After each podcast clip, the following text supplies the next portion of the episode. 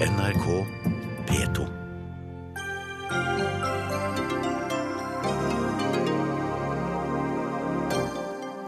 Donald Trump stjal showet i den republikanske kandidatdebatten. The Donald er populisme på speed, sier USA-kjenner Jan Arild Snoen. Jonas surret, og Erna strålte i gårsdagens partilederdebatt, mener Dagbladets eksperter. Men har det egentlig noe å si i et eh, kommunevalg?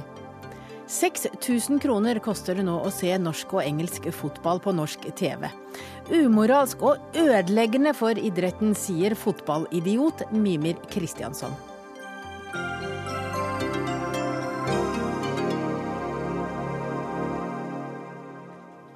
Ja, velkommen til Dagsnytt 18. Jeg heter Hege Holm. Først i denne sendingen skal vi snakke om en søkkrik amerikaner som nå vil bli verdens mektigste mann. I natt ble de republikanske presidentkandidatene presentert, og det var ingen tvil om hvem som stjal showet. This is what's happening because our leaders are stupid. Our politicians are stupid. And the Mexican government is much smarter, much sharper, much more cunning. And they send the bad ones over because they don't want to pay for them. They don't want to take care of them. Why should they when the stupid leaders of the United States will do it for them? And that's what's happening, whether you like it or not. Donald Trump, eller The Donald, som han også blir kalt, har liten sans for både meksikanere og amerikanske politikere, som vi hørte her. Og Gro Holm, du er korrespondent i Washington. Mye handlet om eh, Donald Trump, men eh, kommentatorene er ganske delt i vurderingen av hvordan han kom ut av det? Ja, det er det. Nick Lowry fra National Review for eksempel, han skriver at det var en forferdelig natt for Trump. og Han viser bl.a. til at Trump eh, etter hans mening satte seg på siden egentlig av det republikanske partiet da han nektet, at, eh, nektet å utelukke at han vil stille som uavhengig kandidat. Han viste jo også til at Trump nektet å beklage temmelig så mannssjåvinistiske uttalelser om kvinner han har kommet med. Men andre eh, er nok mer positive. På, og Da snakker vi om på Trumps egne premisser. Donald Trump fortsatt på toppen, skriver Washington Post. Eh, Eh, som mener at han rystet eh, det republikanske partiet i debatten. New York Times skriver eh, Trump stjeler showet. Han var både opprørt, han var nedlatende, han var truende, men likevel så, så stal han showet ved å ikke ville unnskylde noe av det han har uttalt tidligere, bl.a. Så her er, det, her er det delte meninger, og de som har kommentert det på TV, har også delte meninger om hvorvidt, hvorvidt det var lurt av Trump å gjøre som han gjorde her og ikke forsøke å fremstå som en seriøs, vanlig politiker.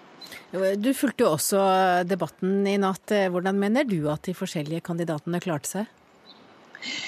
Ja, jeg syns kanskje den aller beste var den som lå nederst på meningsmålingene. Eh, John Kasek fra, eh, fra, Ohio, eh, fra det stedet hvor denne foregikk. Han fremsto som nær og menneskelig. Han er jo mot likekjønnet ekteskap, mens han, ville, han har akkurat vært i et bryllup med likekjønnede. Han ville elske sin datter like høyt om hun hadde vært lesbisk. Han fremsto som veldig menneskelig. Han viste til alt han har oppnådd som guvernør, bl.a. for de fattige, for de mentalt syke, for dem som sitter i fengsel. Og på en måte så danker han ut Jeb Bush i konkurransen om guvernørskap. For dette har jo vært et av kortene som Bush altså har spilt på. At han har åtte år som, eh, med erfaring som guvernør i, i Florida. Bush ble til sammenligning litt litt flat, litt blek. Eh, og klarte seg, gjorde ikke noen store feil, men han eh, la heller ikke noe til positivt i forhold til det han har gjort i tidligere sammenhenger. Endret debatten noe på styrkeforholdet mellom de forskjellige kandidatene? Altså, til nå er det jo Donald Trump som eh, Han har jo nesten dobbelt så stor oppslutning som eh, de som kommer etter han. Ja, vi får jo, får jo, se hva meningsmålingene sier etter hvert. Men jeg tror ikke det. De fleste kommentatorene eh, mener nok at det ikke gjorde det.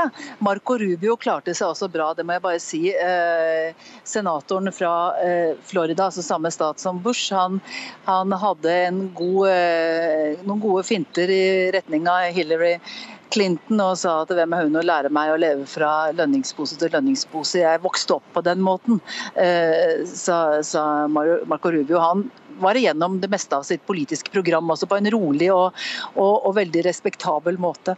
Men jeg tror, jeg tror ikke det endrer noe fundamentalt. Jeg tror at man vil stå igjen på den neste, den neste meningsmålingen med Trump som leder og Bush som nummer to. Og så får vi se da hvordan heatet resten fordeler seg.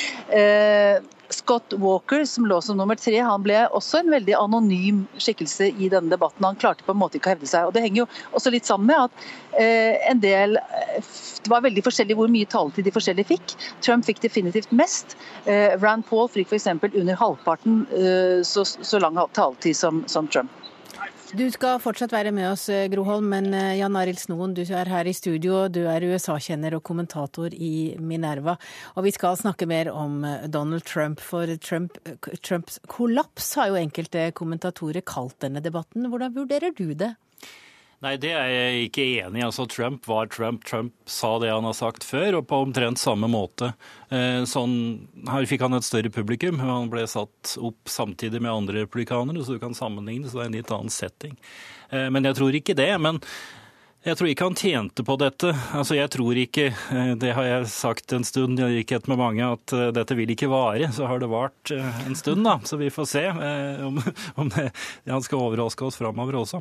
Problemet hans er at han legger seg ut med veldig mange velgere. Det er veldig mange som er veldig imot han også blant republikanerne, men særlig utafor eget parti. Sånn at han har på meningsmålingene der han måles mot demokratene, så har han overhodet ingen sjanse. Ligger mye dårligere an enn de aller fleste andre republikanere. Og det kommer primærvelgerne også til å ta hensyn til etter hvert.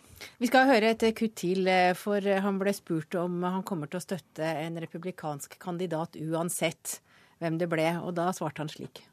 I cannot say I have to respect the person that if it's not me, the person that wins. If I do win and I'm leading by quite a bit, uh, that's what I want to do. I can totally make that pledge. If I'm the nominee, I will pledge I will not run as an independent. But uh, and I am discussing it with everybody. But I'm you know talking about a lot of leverage. We want to win, and we will win. But I want to win as the Republican. I want to run as the Republican nominee.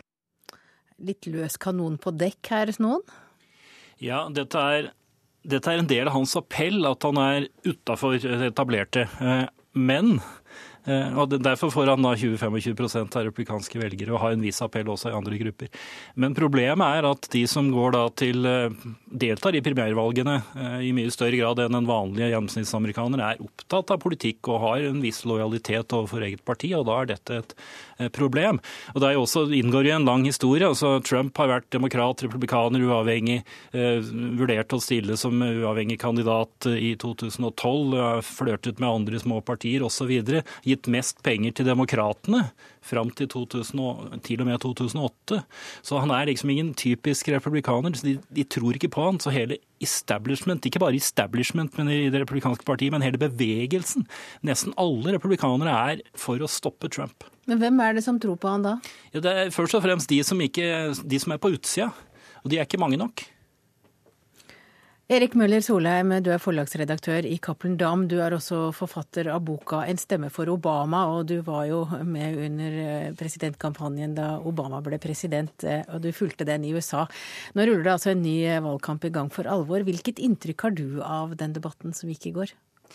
Jeg syns den ble overraskende substansiell i forhold til hva man kunne frykte når man så på det sirkuset som trappa seg opp i dagene og ukene i forkant. Eh, det er jo greit at eh, amerikansk valgkamp er, eh, er sirkus, men det er kanskje bedre at de, de tar etter akrobatene og ikke etter det påfølgende klovneopptoget. Så jeg, jeg, er nok mer til, til, jeg er på en måte tilhenger av det sirkuset så fremt det, det fremmer en eller annen form for substans. Da. Og der syns jeg det kom fram ganske mye interessant i, i nattens debatt. Og Du kjenner jo best demokratene. Hva er det de sier i dag? Uh, ja, altså Min høyst uhøytidelige spørreundersøkelse blant mine tidligere Obama-kolleger viser jo på en måte det som Det speiler det som eh, spørreundersøkelsene viser. At Hillarys popularitet er dalende. At eh, engasjementet rundt hennes kampanje er sånn så som så. Så jeg tror det blir utrolig spennende å se. Nå er det demokratiske feltet veldig Uh, usikkert uh, ennå. Det kan skje veldig mye. Men hvis Hillary fortsetter å dale på meningsmålingene, så tror jeg fort man kan se en del kandidater som, som, som, kom inn fra siden. Da. Men, men hvem ønsker de seg som motkandidat, da? Hvem, når de ser på de kan, hvem av de ti kandidatene som ble presentert i natt, syns demokratene er drømmemotstander? Jeg tror nok de fleste ønsker seg den kandidaten som det er lettest å overkjøre i et hovedvalg, og der tror jeg nok kanskje Trump ville være et, et greit kort. Um, Samtidig så er jo det på en måte en litt sånn kortsiktig tankegang eh, eh, når man vet hva risikoen er i andre enden. Så, så, så, så de jeg snakka med, eh, nevner jo også at de ønsker seg en fornuftig republikansk presidentkandidat. Og da tenker jeg en fyr som Rand Paul, som i går faktisk viste seg å være ganske nyansert og bidra til å nyansere og utdype hva som er det republikanske standpunktet. Ved å ta, ta en del standpunkter som, som, ikke er sånn typisk republikanske, bl.a. dette med overvåkning og innsamling av telefondata, som han hadde en utveksling med Chris Christie. Så jeg synes det ble ganske interessant da, til, i amerikansk eh, målestokk. Gro Holm, du fulgte jo debatten i går, og snart er det valgkamp her òg. Hva vil du si om debattopplegget i går? Det er jo ganske ulikt noe vi har sett her i landet? Ja, Det var altså tre programledere som drev utspørringen fra Fox News. og Jeg må jo si helt ærlig at jeg syns det er den jeg tror kanskje den beste politiske utspørringen jeg har sett noen gang. I hvert fall med et felt med mange kandidater på scenen. De var fokuserte, de var saklige, overhodet ikke polemiske. Det var uh, godt planlagt. Uh, de stilte veldig nærgående og kritiske spørsmål til alle kandidatene. Spørsmål som trolig bare en uh, konservativ fjernsynskanal kunne gjort. Ellers så ville de blitt beskyldt for å gå demokratenes ærend. Det var en briljant forestilling. Veldig krevende for kandidatene, fordi de fikk veldig kort tid til å svare. De ble brukt en bjelle til å ringe når de hadde snakket for lenge. Brukte opp sin svartid, som var da ett minutt på store spørsmål og 30 sekunder til replikk.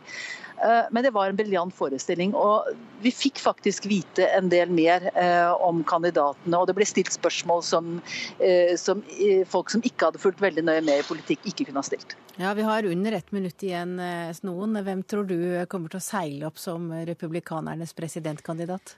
Etter sagt, det du så i går? Jeg, jeg, har sagt dette lenge, og jeg sier det fremdeles. Det er Marco Rubio eh, som, som, også er kåret til vinner av de fleste, særlig de på høyresida, som han eh, må appellere til. Mente at han gjorde det best. Han er den beste kommunikatoren av dem. Han er en likandes kar. Eh, og han er mye yngre da enn en Bush. Så kontrasten med Hillary Clinton er veldig mye tydeligere enn med Jeb Bush. Så eh, Kandidaturet til, til, til, Rubio er oppsummeres bare i, i, ordet 'tomorrow', og han bruker da 'yesterday' mot Hillary Clinton, som rammer også Jeb Bush. Ja, hvis, eh, hvis amerikanske, iallfall republikanske velgere har noen illusjoner igjen, så tror jeg det er Rubio som blir, blir, valgt, fordi han er den kandidaten som ligner mest på Obama i stilen og i på en måte framtidsoptimismen. Men hvis de er så desillusjonerte som, som det kanskje kan tyde på, så, så kan det fort bli en Bush eller Uh, man skal aldri si aldri med Donald Trump. Så langt har han gått på vann. Gro Holm, vil du være med og kaste deg på? Ja, altså Problemet her er jo litt at eh, det er meningsmåler som viser at eh, velgerne legger stor vekt på erfaring. Eh, og Da er det Bush som har den erfaringen. Og det er jo De som da tror at Ruby har sjanse til å faktisk vinne, det er jo en utfordring da å forklare hvorfor han ligger som nummer seks eller sju på meningsmålingene så langt. Og Det kom ikke opp noe i går som han ikke tidligere har vist. Så ja, det kan godt hende det, men da har han en motbakke foran seg. Det er det ikke tvil om. Og det var så langt du ville gå? Takk for at dere var med i denne runden om eh, det amerikanske presidentvalget, som altså ikke er før neste år. Takk Jan Arild Snoen, kommentator i Minerva, Erik Møller Solheim, redaktør i Cappelen Dam.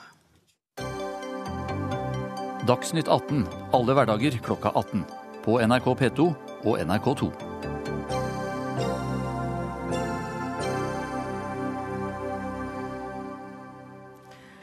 Knockout til Erna, skriver avisen etter at Erna Solberg og Jonas Gahr Støre møttes til valgkampens første duell i går kveld. En av grunnene var dette ordskiftet.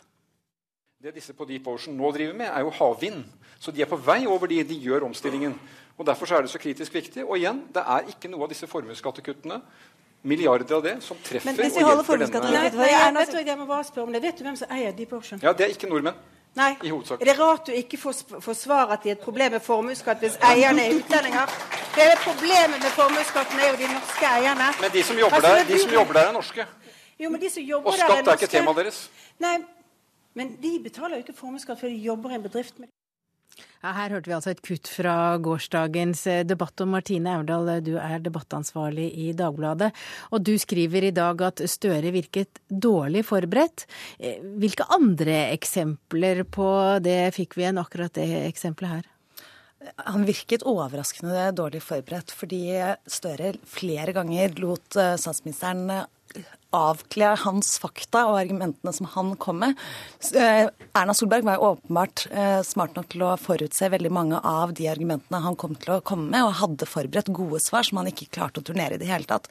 Det var jo dette eksempelet som var det første virkelig grove, som jeg tenker virkelig uh, uødela debatten for Støre. Han klarte aldri å hente seg inn igjen etter det. Så kom neste da uh, ja, for Det skulle være et eksempel på formuesskatt? Det skulle være et eksempel i, formuesskattdebatten som jo burde være Ap-lederens paradegren, hvor de virkelig har mange gode argumenter, og hvor statsministeren tidligere har kommet med dårlige eksempler som har blitt plukket fra hverandre i mediene.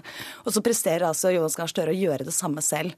Og så kommer han like etter med en undersøkelse som eh, Utdanningsforbundet har gjort blant sine medlemmer, som også statsministeren hadde forberedt seg på, og sa at ja, men den undersøkelsen gjøres jo med evne mellomrom og viser den samme eh, trenden hver gang, og det klarte han heller ikke å turnere.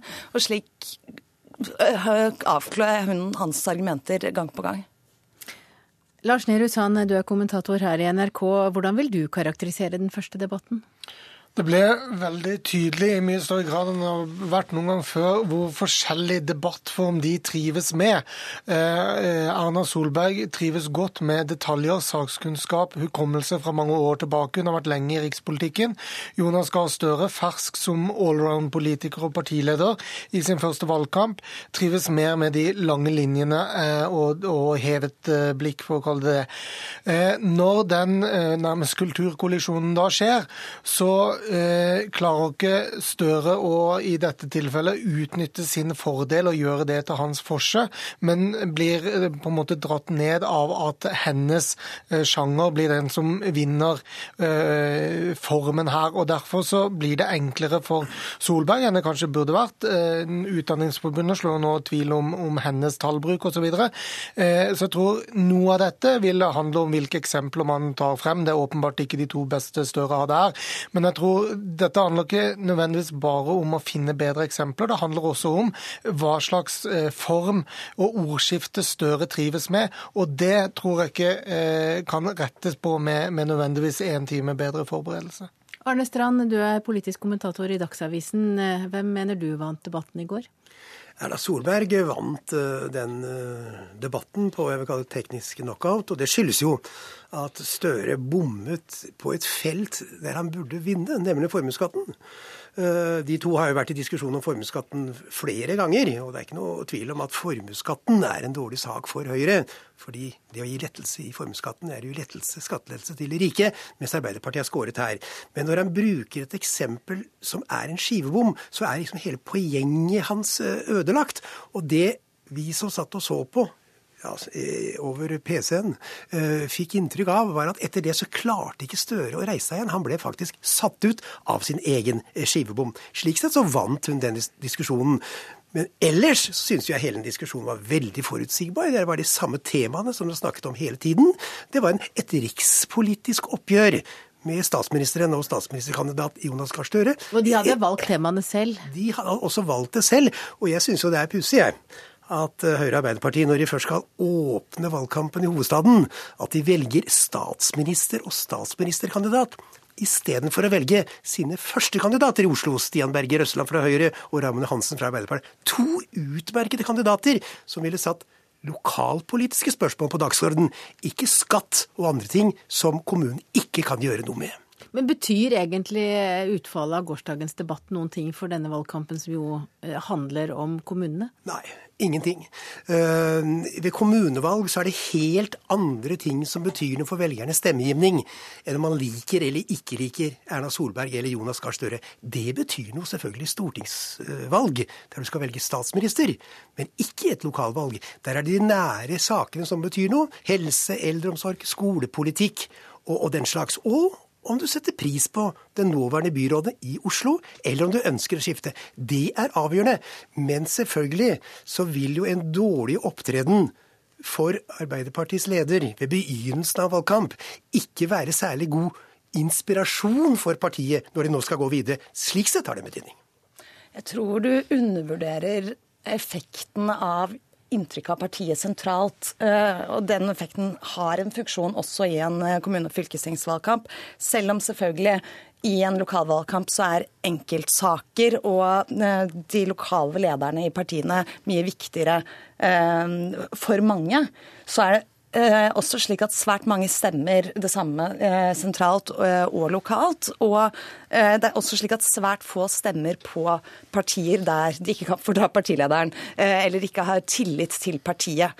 Eh, og sånn sett så vil jo inntrykket av Erna Solberg og av Jonas Gahr Støre og av regjeringen og, og, rikspolitikken også gjenspeile seg i lokal stemmegivning. Og Dessuten så ville de jo ikke fått like stor oppmerksomhet rundt debatten hvis de hadde hatt de lokale, selv om jeg er helt enig i at det ville vært stilig og at det er gode, eh, spennende debatter foran oss der. Men det er ingen målinger eller ingen undersøkelser som viser at disse statsministerduellene betyr så veldig mye for folks stemmegivning. Det er morsomt å se på, morsomt å høre på. Jeg var selv da jeg jobbet her i NRK med på å starte Gro Kår-duellene i sin tid. De var jo fantastisk morsomt.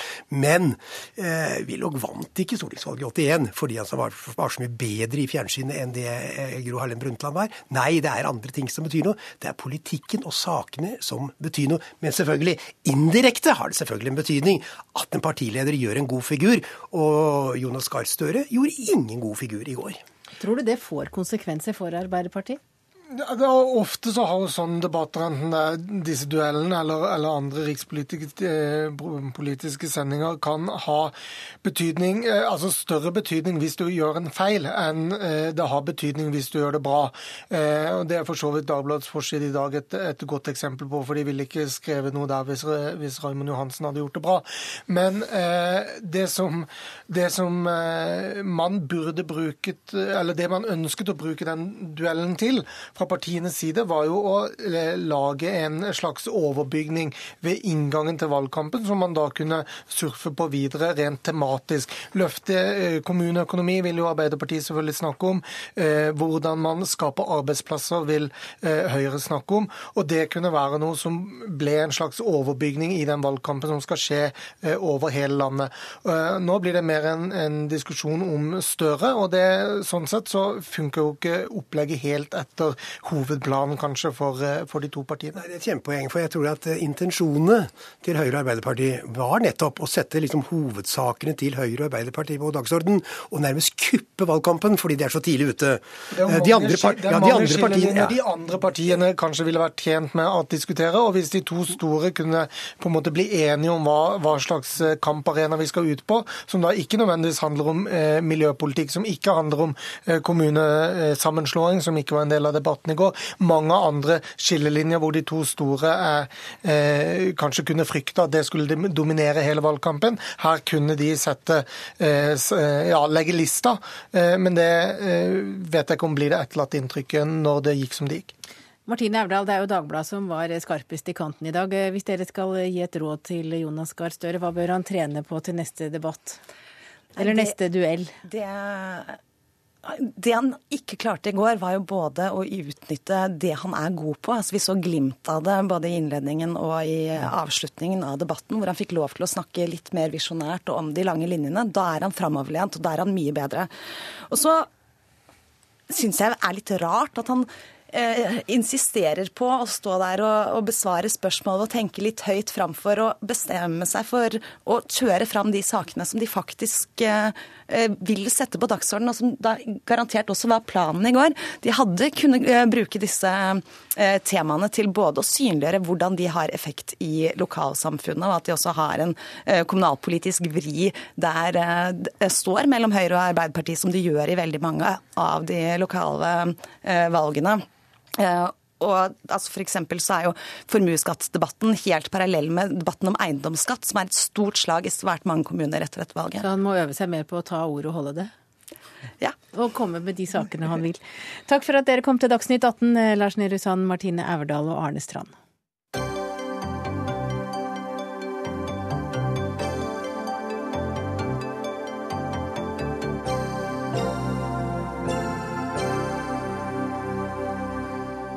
Vi skal slett ikke gi oss med norsk politikk, for nå skal vi snakke om noe som helt sikkert også valgkampen kommer til å handle om, kommunereformen.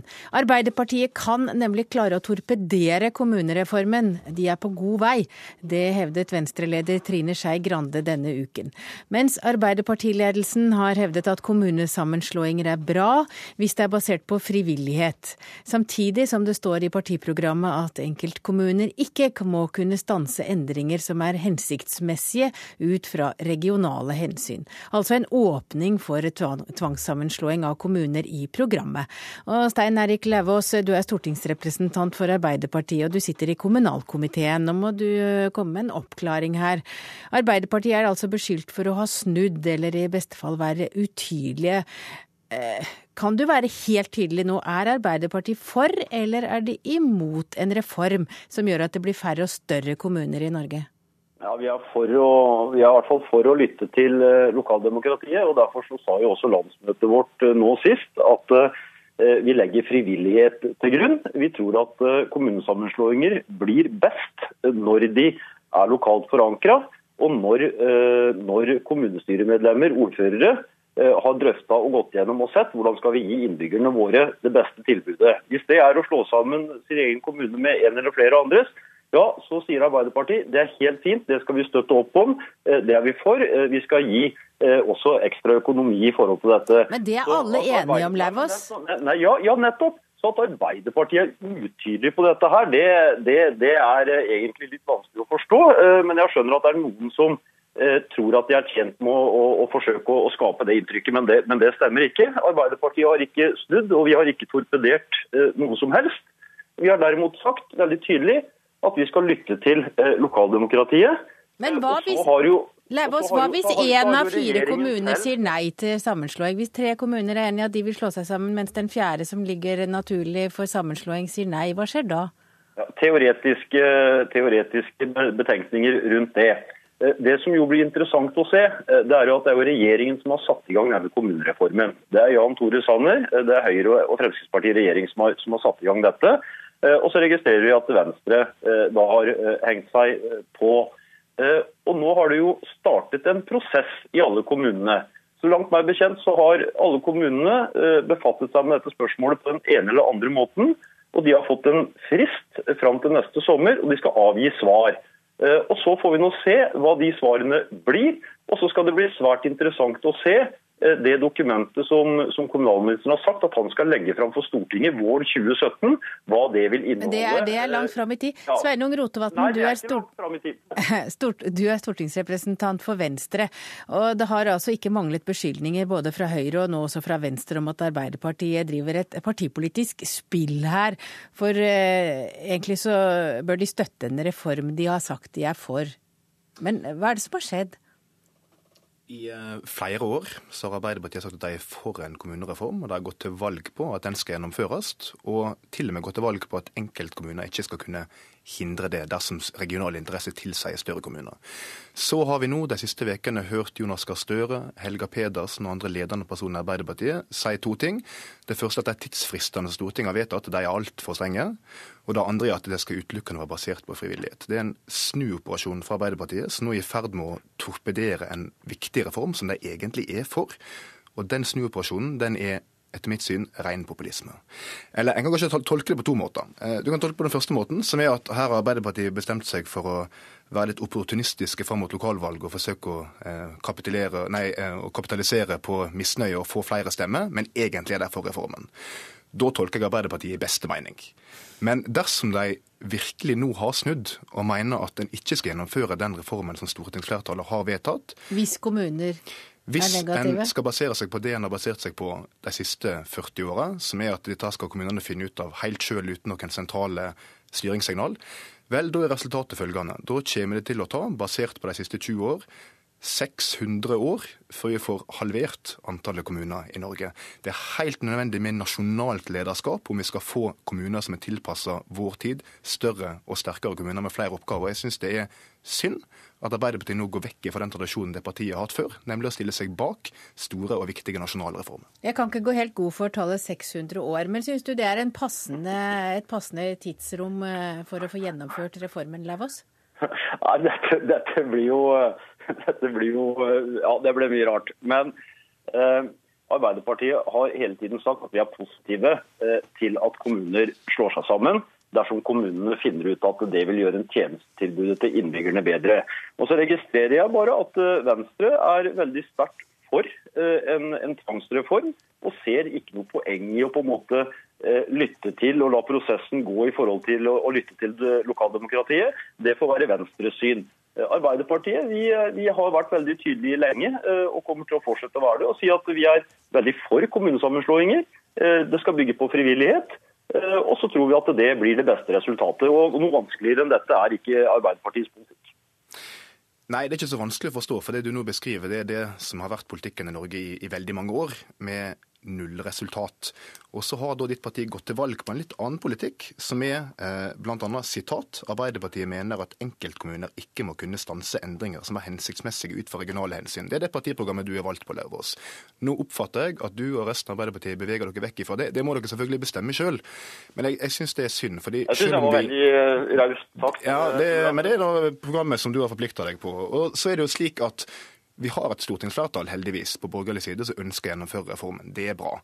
Men det er nå likevel slik at dette er en krevende reform. Eh, og jeg tror det ville vært en styrke for alle de der ute nå som jobber med disse prosessene, at et større, et sterkt stortingsflertall sier at dette er noe vi kommer til å gjennomføre, og at det kommer til å være politikken de neste åra også. Jeg tror ikke en kan være trygge på det. Men dere har jo flertall. Hvorfor er det så nøye å få med dere Arbeiderpartiet her? Nei, jeg syns det er viktig at han har brei tilslutning til reformer. Og det skulle en jo tro at han hadde ut ifra Arbeiderpartiet sitt partiprogram. Det er tydeligvis eh, putta i skuffa. Eh, men da er det jo egentlig bare én ting å gjøre, og det er å sørge for at også i neste stortingsperiode så er det et flertall på Stortinget som er positiv til å få større og sterkere kommuner. Det vil bidra til et sterkere lokaldemokrati, bedre løsning av tjenester, og at en tar regionale hensyn i større grad enn i dag. Men da trenger vi et stort flertall bak det. og det er synd at Arbeiderpartiet nå eh, legger seg på det jeg mener er en populistisk linje. Eh, jeg håper at det er mulig å snu enda en gang. Det får vi heller eh, se gjennom fingrene med om de velger å gjøre. Det er viktig for alle prosessene som nå pågår. 62 kommuner er i forhandlinger. 344 kommuner driver og utgreier kommunesammenslåing. Om det nå kommer signal fra det partiet som tar mål av seg om å komme i regjering etter stortingsvalg, om at dette er egentlig ikke så viktig, dere får finne ut av det sjøl, da frykter jeg at prosessene kan stoppe opp. Levåsen? Ja, ja, ja da. Når, når, Venstre snakker om å endre og snu politikken eh, kjapt, så skal vi lytte nøye, for det er Venstre ganske god på. Eh, så det er nå så. Eh, men at dette er en krevende reform, det er det, det er det, ingen tvil om. Og det er noe av poenget. Eh, vi tror faktisk eh, at eh, disse endringene som skal komme, de blir altså best når kommunestyremedlemmer, ordførere, lokale tillitsvalgte får muligheten til å gå gjennom alt sammen, hva de gjør og hvordan de skal gjøre det, og komme fram til at dersom kommunesammenslåinger vil gi bedre tilbud, ja, så kommer de til å stemme for dette. Og Dersom de ikke gjør det, så har de en god begrunnelse for det, og det mener vi at vi skal lytte til. Og Hvis Venstre syns at det er et stort problem at Arbeiderpartiet skal lytte til lokaldemokratiet, ja, så må Venstre på en måte stå for det. Stein Erik Levås, Stein Erik Levås hallo, du sitter på en telefon, så jeg kan ikke se deg. Men du, jeg, nå står jeg i fare for å virke utrolig maste.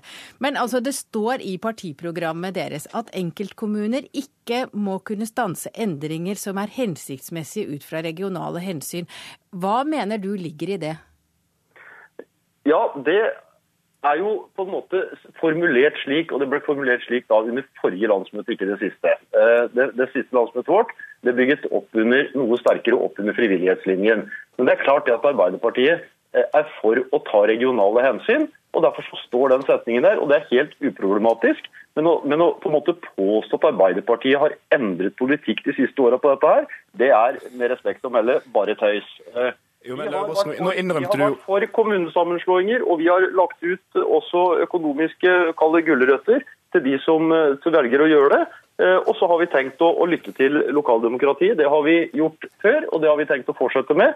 Og så skal det bli som sagt meget interessant og se hva kommunalministeren, regjeringen, legger fram men i Lauvås- Stortinget våren 2017. Og det er ikke lenge til, for nå skal det være Nå kommer det nye kommunestyrer. Det kommer til å komme en rekke nye Ja, ja. ordførere. Ja, men de nå, i dette, svar. Men det er veldig kort tid til denne saken er slutt. Det, Ja, vi kan ikke holde på til 2017. at- En kort replikk til Ja, slutt, Nå innrømte du nettopp at dere har snudd ved å vise at dette var det forrige landsmøtevedtak, men årets landsmøtevedtak noe annet. Og jeg tror jeg vil avslutte med å si at jeg er helt enig med Arbeiderpartiets ordfører i Harstad, som sa denne veka her at hun citat, skulle ønske Arbeiderpartiet hadde guts til å være med på kommunereformen. Du bør lytte til ordføreren din i Harstad, Lauvås, og stå ved det partiprogrammet du har valgt på. Takk Det er en dere styrke for Arbeiderpartiet at vi har ulike meninger i denne saken, og det er vi stolte av at vi også har. Takk for at dere kom til oss, Stein Erik Lauvås og Sveinung Rotevatn.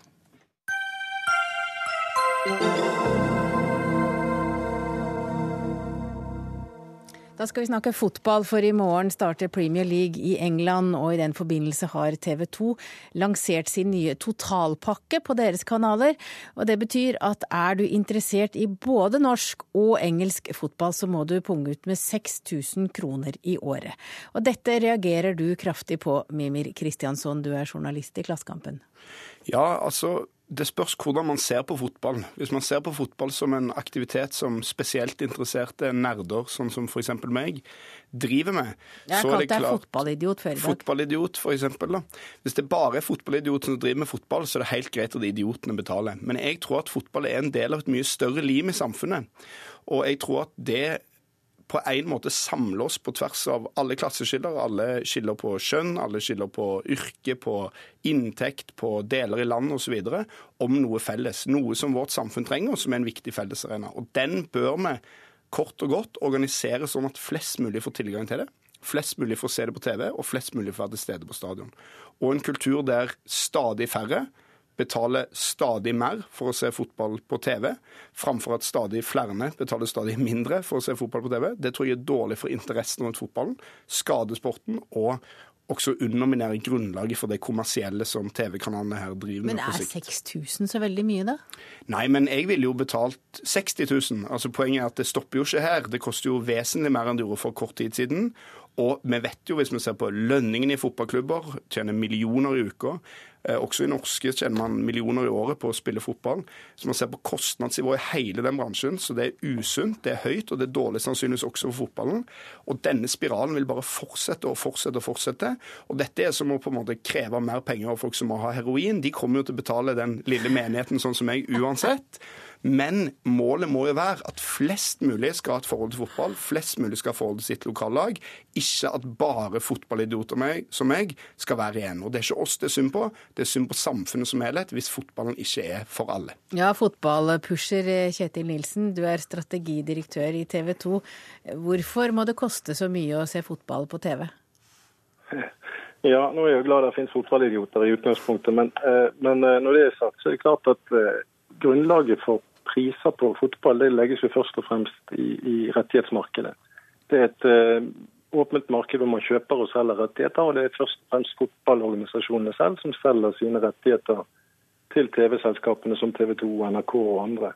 Og, og det er et uh, ganske så konkurranseutsatt marked hvor, uh, hvor vi slåss om rettighetene med tre års mellomrom, og har de til leie i tre år, og må da forsøke å forrente den investeringen, som, eh, som riktignok er betydelig. Det er korrekt. Ja, Du syns også 6000 er mye penger?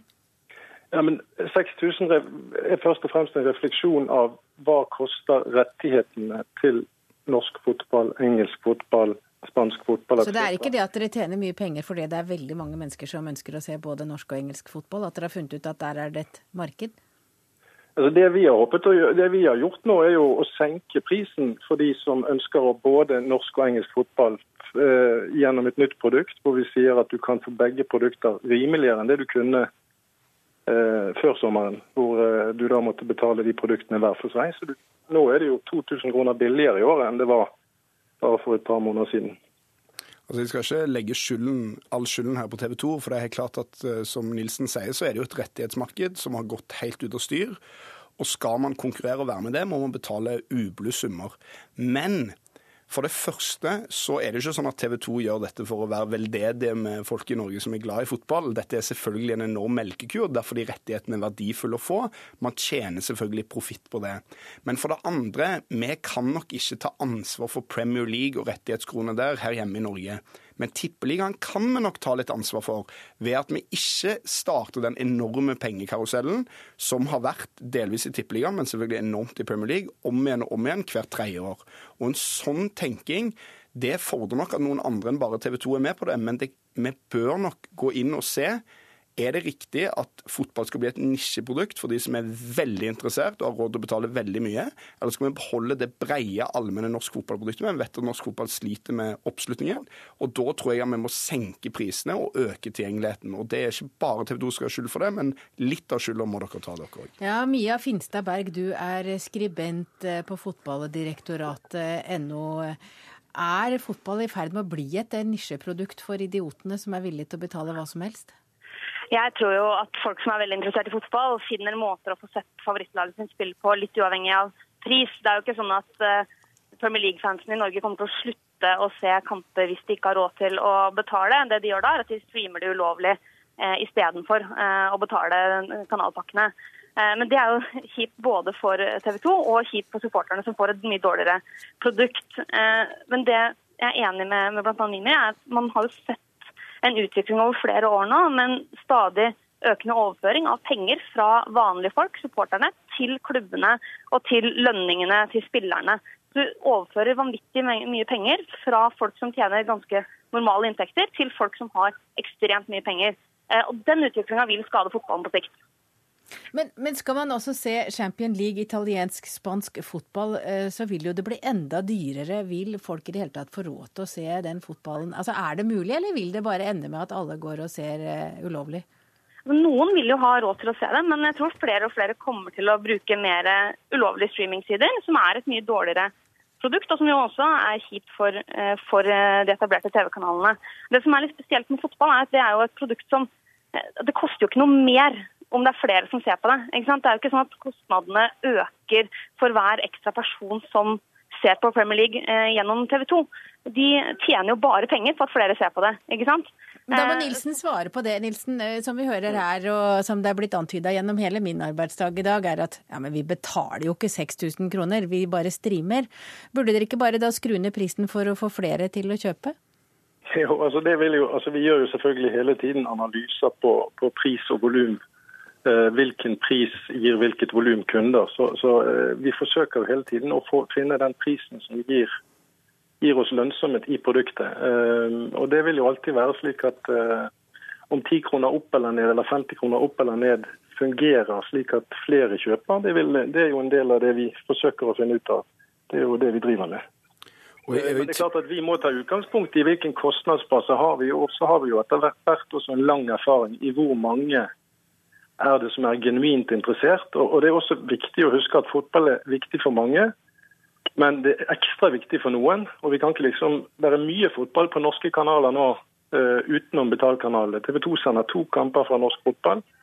Uh, der sendes Champions League-kamper og, og der sendes norske landskamper. Så der er fotball og jeg, jeg begynte jo med dette for ti år siden, når NRK og TV 2 sendte annenhver helg én kamp fra Tippeligaen. Nå er det et fantastisk fotballtilbud til alle som er interesserte.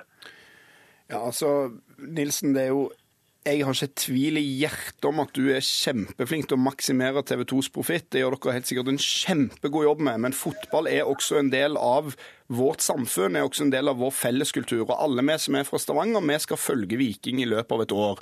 Det er målet for fotballen. sånn at om man kan oppnå enorm profitt ved at få men rike mennesker ser fotball, kontra at mange, men fattige mennesker ser fotball, så mener jeg at det er dårlig både for samfunnet, men også for fotballen, for rekrutteringsgrunnlaget og for produktet over tid. Og så skal jeg eh, betale for TV 2 gjennom hele året, som jeg alltid gjør, og jeg gleder meg til de enormt gode sendingene som dere lager fra det. Det er absolutt ikke det, men vi trenger en litt å løfte blikket litt og se skal vi gå inn i denne karusellen i Norge. Mer og mer penger til lønninger, mer og mer penger til spillerkjøp. Eller skal vi gjøre dette til et tilgjengelig produkt for alle? Det er alle, en litt annen debatt, og den skal vi også sikkert ta i Dagsnytt 18. Takk for at dere kom, Minna Finstad Berg, Kjetil Nilsen og Mimir Kristiansson. Hør Dagsnytt 18 når du vil. Radio NRK.no.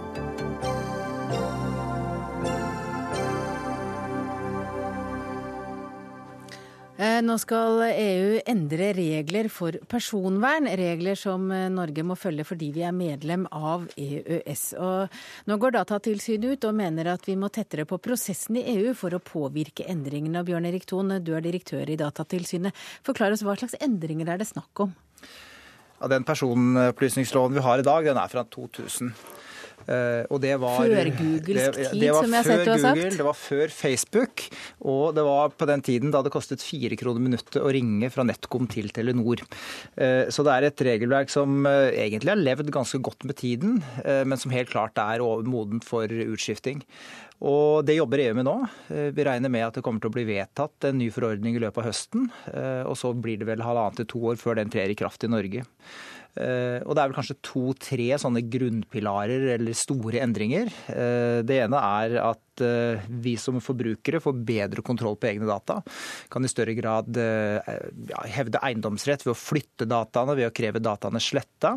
Og det andre er at virksomhetene får et større ansvar i dag eh, til å følge regelverket. Akkurat det høres litt rart ut, fordi det er jo i dag selvfølgelig også sånn at norske virksomheter må følge reglene, men det blir enda mer vektlagt at de skal ha gode rutiner, gjøre gode vurderinger, skal bygge personvern inn i teknologien og en masse andre ting tekniske ting som vi ikke trenger å gå inn på nå.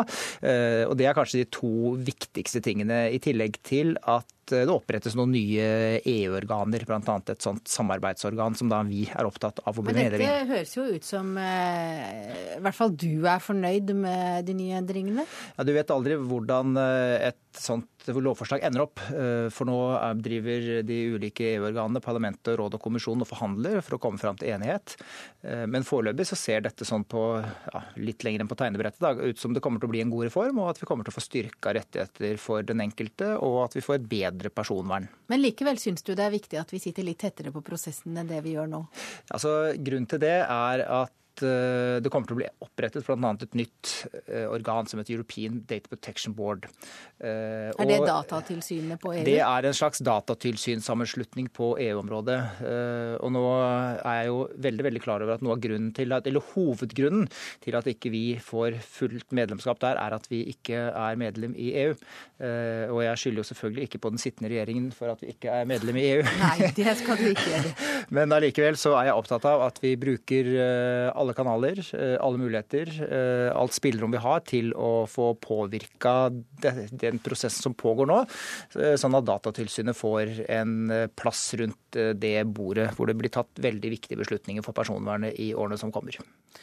Og da går vi til deg, Ingebjørg Harto. Du er avdelingsdirektør i NHO.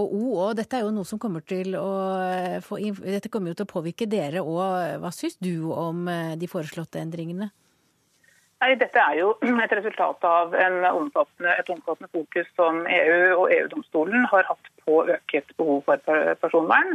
Eh, vi eh, ser at eh, det legges opp til betydelig og mer omfattende dokumentasjonsprosess hos bedriftene. Mer fokusert arbeid. Det løftes ansvaret for å ha en personvernansvarlig løftes opp på et høyere nivå. Så det er mye arbeid som gjenstår her i bedriftene når man skal påbegynne etterlevelsen av dette noe mer omfattende regelverket enn det vi har i dag. Og så er det jo riktig som Thon sier, at uh, det er et større fokus på etterlevelse, som vil kreve større uh, fokus på prosesser og dokumentasjon ikke minst av prosesser i bedriftene. Uh, det vil koste ressurser og, og ta tid. Så, og veldig mange norske store virksomheter er allerede i gang med å kartlegge de opplysningene de har, og hvordan de nå må håndtere dette det er i ferd med å, og enkelte steder også utnevne personvernansvarlige, som de vil være eh, pålagt etter den nye, den nye forordningen. Så, så, det er mye arbeid som um, allerede er påbegynt, men veldig mye som gjenstår. Hva sier bedriftseierne til dere? De, de oppfatter dette som for så vidt greit nok. Man kan vel kanskje vurdere om Man kan stille, kanskje stille spørsmål om om man i vurderingen, avveiningen av hensyn til forbrukere, Eh, versus hensynet til bedriftene som håndterer personopplysningene, eh, har kommet eh, godt nok ut i forhold til å ta hensyn til virksomhetene. Men så langt så forholder man seg til det man ser kommer, og forbereder seg på det. Ja, jeg tror det er veldig veldig sentralt at det blir større byrder, om vi kan kalle det det, på bedriftene. Eh, for, eh, for den enkelte er det veldig vanskelig å vite hvordan opplysningene behandles. Eh, jeg aner ikke hvordan DNB eller Telenor eller Google eller Facebook egentlig behandler opplysningene mine. Jeg er helt avhengig av å stole på at det blir gjort på en skikkelig måte i virksomhetene. Og det er det som er det, noe av det virkelig gode med den nye forordningen. Nemlig at dette ansvaret i mye større grad flyttes til de som faktisk sitter og gjør det. Litt etter et forurensningsprinsipp, ikke sant. Eh, at forurenser betaler. Ja, og det er veldig veldig sentralt. Og så blir vår jobb blir selvfølgelig å, kontrollere dette. Eh, men jeg tror at dette er et helt, helt nødvendig grep for å sikre bedre etterlevelse av loven. Og Vidar Helgesen, det er du som er statsråd i Utenriksdepartementet og har ansvar for EU. Eh, hva slags rettigheter har vi som ikke-medlemmer av EU når de bestemmer noe som kommer til å påvirke oss i så stor grad? Eh, dette blir jo lovgivning som eh, kommer til å binde oss. Og eh, måten Norge deltar her, er på arbeidsgruppenivå når lovgivningen utformes. Og jeg vil bare si at det er bra for både innbyggere og for næringsliv at man nå får enda mer enhetlig regelverk i hele Europa. Da vet man bedre hva man har å forholde seg til. I den fasen arbeidet er nå, har vi ganske lite vi skulle ha sagt. For nå er det forhandlinger mellom rådet, altså medlemsstatene, kommisjonen og parlamentet. Eh, de såkalte trilogforhandlinger.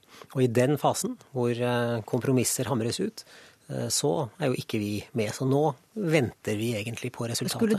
Men norske eksperter har jo vært med i prosessen. Skulle du ønske at vi var nærmere så hadde vi hatt noe påvirkning hvis vi hadde vært et EU-medlem på lik linje med andre? Ja, da ville vi jo ha vært medlem av rådet og hatt, og hatt eh, påvirkning. Mitt personlige syn på det er relativt klart. Ja, men, det, men jeg mener, hadde, hadde det spilt noen rolle?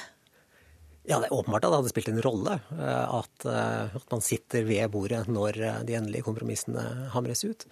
Det som kommer ut av dette på innholdssiden, ser ut til å bli noe vi eh, er ganske komfortable med.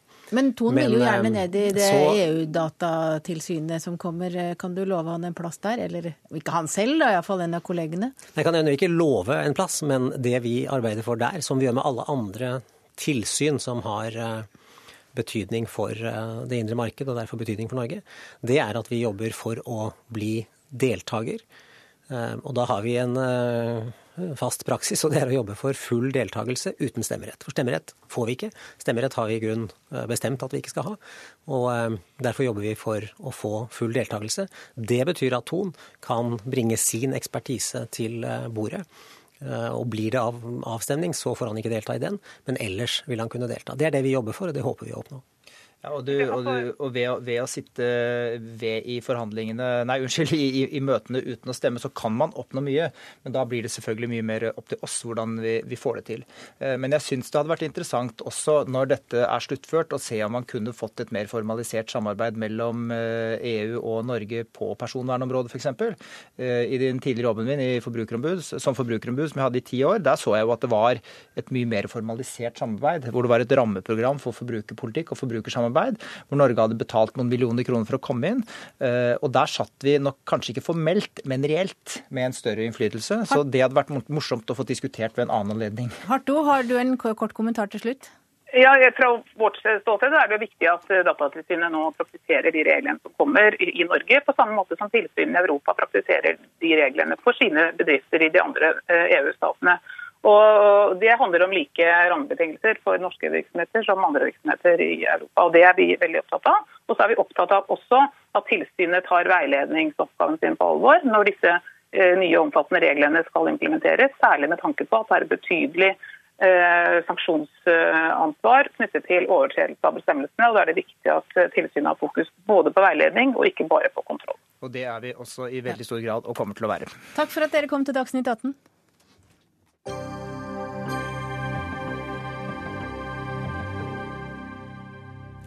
I sommer er over 60 sauer drept av én enkelt ulv i Enebakk kommune. Reaksjonene har vært sterke etter at Fylkesmannen avslå, har avslått flere søknader om å felle denne ulven som går da i Østmarka. Og I løpet av 2015 skal Stortinget vedta et mål for hvor mange ulv som skal leve i Norge. Og Anne Beate Tvinnereim, du er altså andre nestleder i Senterpartiet. Du bor i Enebakk. Har du sett ulven? Jeg har ikke personlig sett ulven, men jeg har sett konsekvensen av ulven. Og jeg lever med konsekvensen av ulven og ser hva den gjør med hjembygda mi. Og jeg liker det veldig dårlig. Og man føler seg maktesløs i Endebakk nå fordi at man tilfeldigvis har havna liksom noen kilometer på feil side av denne streken. Enebakk ligger i ulvesona, og man ligger da tilfeldigvis eh, noen kilometer for langt sør på en strek som eh, stortingspolitikerne har tegna på et kart, som gjør at det da er umulig å ta ut en, et skadedyr som også har rovdrept da 60 lam i løpet av et par netter eh, i hjembygda mi, og som har desimert ulvebestanden, beverbestanden og rådyrbestanden. Hva slags eh, forklaring har dere fått for uh, hvorfor dere ikke får felle? Nei, fordi at vi ligger i ulvesona, og da mener jeg at da må hele rovdyrpolitikken, eller ulveforvaltningen, må rett og slett opp til revurdering. Og da skal bøndene ta vare på, på sauene sine og, altså, en, av og gjete dem? En av disse bøndene det dreier seg om, hadde et uh, rovdyrsikkert gjerde som var godkjent av Fylkesmannen, og likevel så mistet vedkommende 30 sauer. Og da blir man jo uh, fortvila, og man føler seg hjelpeløs. Men jeg må understreke at dette handler ikke bare om bøndene i Enebakk. Altså, Enebakk er en pendlerkommune. De fleste som bor der, er folk som har bevisst bosatt seg der der for å eh, leve tett på naturen, kanskje ha en hest, en hund. Og, og, veldig mange mennesker der nå føler seg utrygge. De føler at de ikke lenger kan benytte seg av marka sånn som de har gjort. Og det går rett og slett utover livs, livskvaliteten. Arnstein Vestre, du er leder i Natur og Ungdom. 34% av befolkningen ønsker sterkere vern av rovdyr. Det skriver Nasjonen i dag. Hvorfor mener du at eh, ulv bør vernes sånn som den i Enebakk? Det er jo fordi at ulv har en spesiell plass i norsk natur. Ulv er en del av norsk natur og utfører en del tjenester for norsk natur. Den sørger for at det ikke blir overbeite, bl.a. Den holder nede hjortebestanden. Eh, og det er viktig altså, det er viktig å ta vare på de store rovdyra, fordi de også er en del av økosystemet i Norge. Eh, og så er det jo problematisk når ulv går løs på sau. I Natur og Ungdom er vi for å ta i bruk utmarksressursene. Det er ikke sånn at vi skal eh, verne all ulv eh, uavhengig av hvor mye sau den dreper. Men eh, det er problematisk når vi har noen og 30 ulv i Norge, pluss 50 med Sverige, og så er det skutt noen og 20 i løpet av året som har Så du har ingen gått. forståelse for folk i Enebakk? Ja, det, da blir det problematisk når vi har vært litt løs på avtrekkeren så langt, da. Og så har, blir vi mindre fleksible til å ta ut de som kanskje tar ut 60, 60 sau på kort tid. Eh, vi, det vi burde gjøre, er å bygge opp en bærekraftig ulvebestand i Norge som gjør oss mer fleksible, mer i stand til å håndtere enkelttilfeller sånn som det er. Altså Natur og Ungdom har jo tradisjonelt hatt tradisjonelt hatt en, en veldig eh, stor forståelse for dette med konflikten mellom beitedyr og, og ulv. Jeg var sjøl på eh, beitetilsyn med Natur og Ungdom for noen år siden, og syns de tradisjonelt har hatt et veldig godt standpunkt her. Problemet eh, altså Jeg kunne argumentert lenge for hvorfor jeg mener at ulv ikke nødvendigvis hører hjemme i, i eh, norsk natur, fordi at det, vi snakker om en russisk-finsk genetisk eh, stamme her.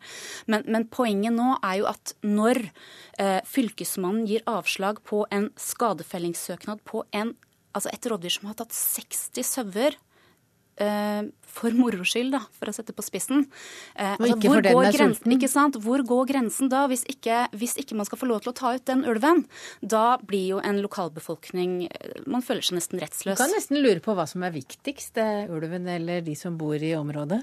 Ja, Nå har ikke vi tatt stilling til akkurat denne uh, ulven spesifikt, uh, så jeg skal være litt sånn forsiktig med å si at den, uh, akkurat den burde vernes. Men det jeg syns er litt sånn problematisk i ulvedebatten i Norge, er at den blir så polarisert. Du ender opp med med bøndene som står på ene sida, og de som vil ha rovdyr på andre sida.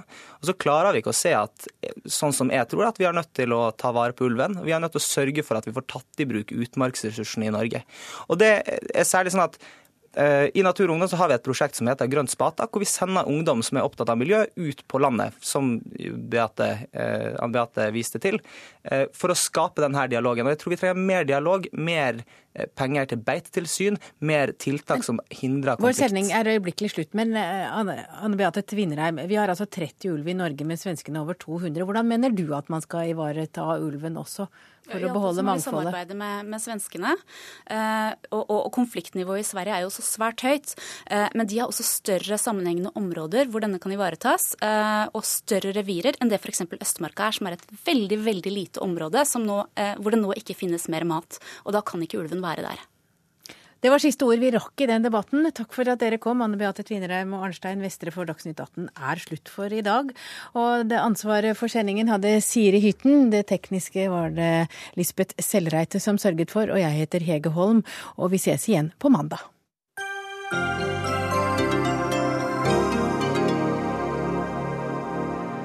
Hør flere podkaster på nrk.no podkast.